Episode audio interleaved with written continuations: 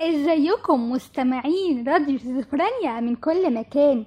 معاكم أنا ريم هشام من برنامج شخصيات مبدعة من أرض الحزن القاسية تنبتت كلمات رطبة تهون مأساتنا ومن رحم الوجع يولد الإبداع.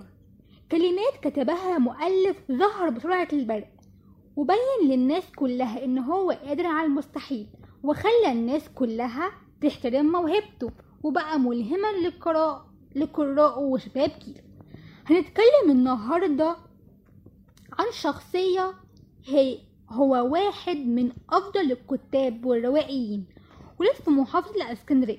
هو كاتب إلكتروني وباحث في علم النفس وعضو في النقابة العامة للصحافة والإعلام ودخل عالم الكتابة وهو عنده 11 سنة وقدر يطور من نفسه وقدراته في الكتابة. هو الكاتب محمد طارق. اللي وقف قدام الناس كلها بموهبته. اللي أقسموا ليه إن هو مش هينجح بس هو ما يقسي ومسمعش كلامهم وتحدى الجميع وتحدى حتى نفسه وحزنه. وفعلا انتصرت موهبته عشان يخرج للنور ليكتب تاريخ جديد من الأدب الحديث. وقدر في أربع سنين بس يحقق نجاح كبير ونشر أول كتاباته سنة 2015 وكان عنده 22 سنة. وهو كتاب جرعة نيوكتين اللي أخذ بسببه جايزة أفضل كاتب شاب في مصر. وكمان بهرنا في سنة 2016 بنشر رواية باريس لا تعرف الحب. حققت نجاح كبير جدا وكانت الناس بتشتريها بشكل كبير في المكتبات وكانت أعلى مبيعا. وكمان عاد طارق من جديد في سنة 2017 بكتاب أسطوانة مشروخة وعجب الناس جدا وح... وأحب الكثير من شباب جيله. الكتاب ده أوي. وفي نفس السنة كمان أبهرنا وأبدعنا مرة تانية إن هو خرج برواية كل الطرق لا تؤدي إلى روما وبسبب الرواية دي وصل للإبداع لأن هي انتشرت بشكل كبير جدا بين رواد مواقع التواصل الاجتماعي.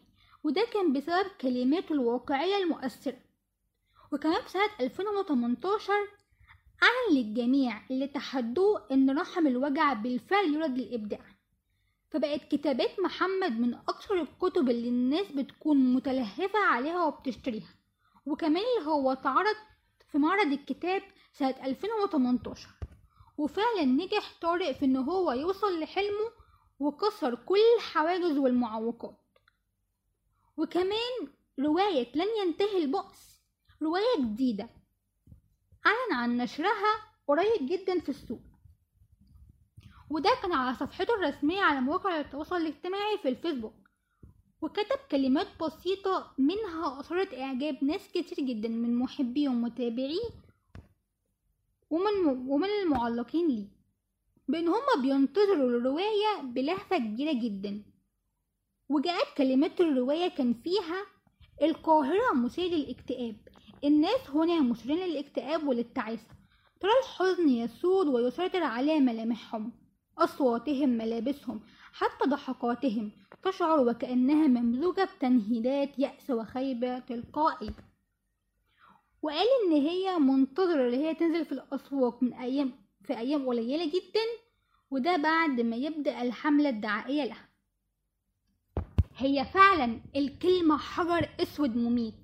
لكن محمد قدر يثبت للناس كلها إن مفيش حاجة اسمها مستحيل وإن الكلمة اللي وجعته دي قدر بيها إن هو ينجح النجاح العظيم ده ويبهرنا كلنا ويثبت إن هو مش فاشل وقدر اللي هو يحقق حلمه ده أفضل حاجة. وده اللي المفروض إن إحنا نتعلمه من محمد إن إحنا ما نبقاش يأسين وإن إحنا نتحدى نفسنا ونخلي الحزن اللي جوانا يتقلب لنجاح نفرح بيه ونحقق بيه حلمنا وننجح. النجاح بتعب وشغل ومشقة بيكون طعمه حلو قوي وإنت فرحان باللي إنت عملته واللي إن الناس اللي كانت بتقولك عليك فاشل أو إن هما بعدوا عنك بقوا بسبب اللي أنت حققته بقوا بيحبوك ومبهورين بيك وبيتمنوا إن هم بس يتكلموا معاك. ده شعور حلو جدا وتكون أنت فعلا كسبت وخدت حقك بطريقة تحفة جدا. أقدر أقول دلوقتي حلقتنا النهاردة خلصت. بس استنوني في حلقة جديدة مع مبدع جديد. بتمنى تكون الحلقة عجبتكم واستفدتوا.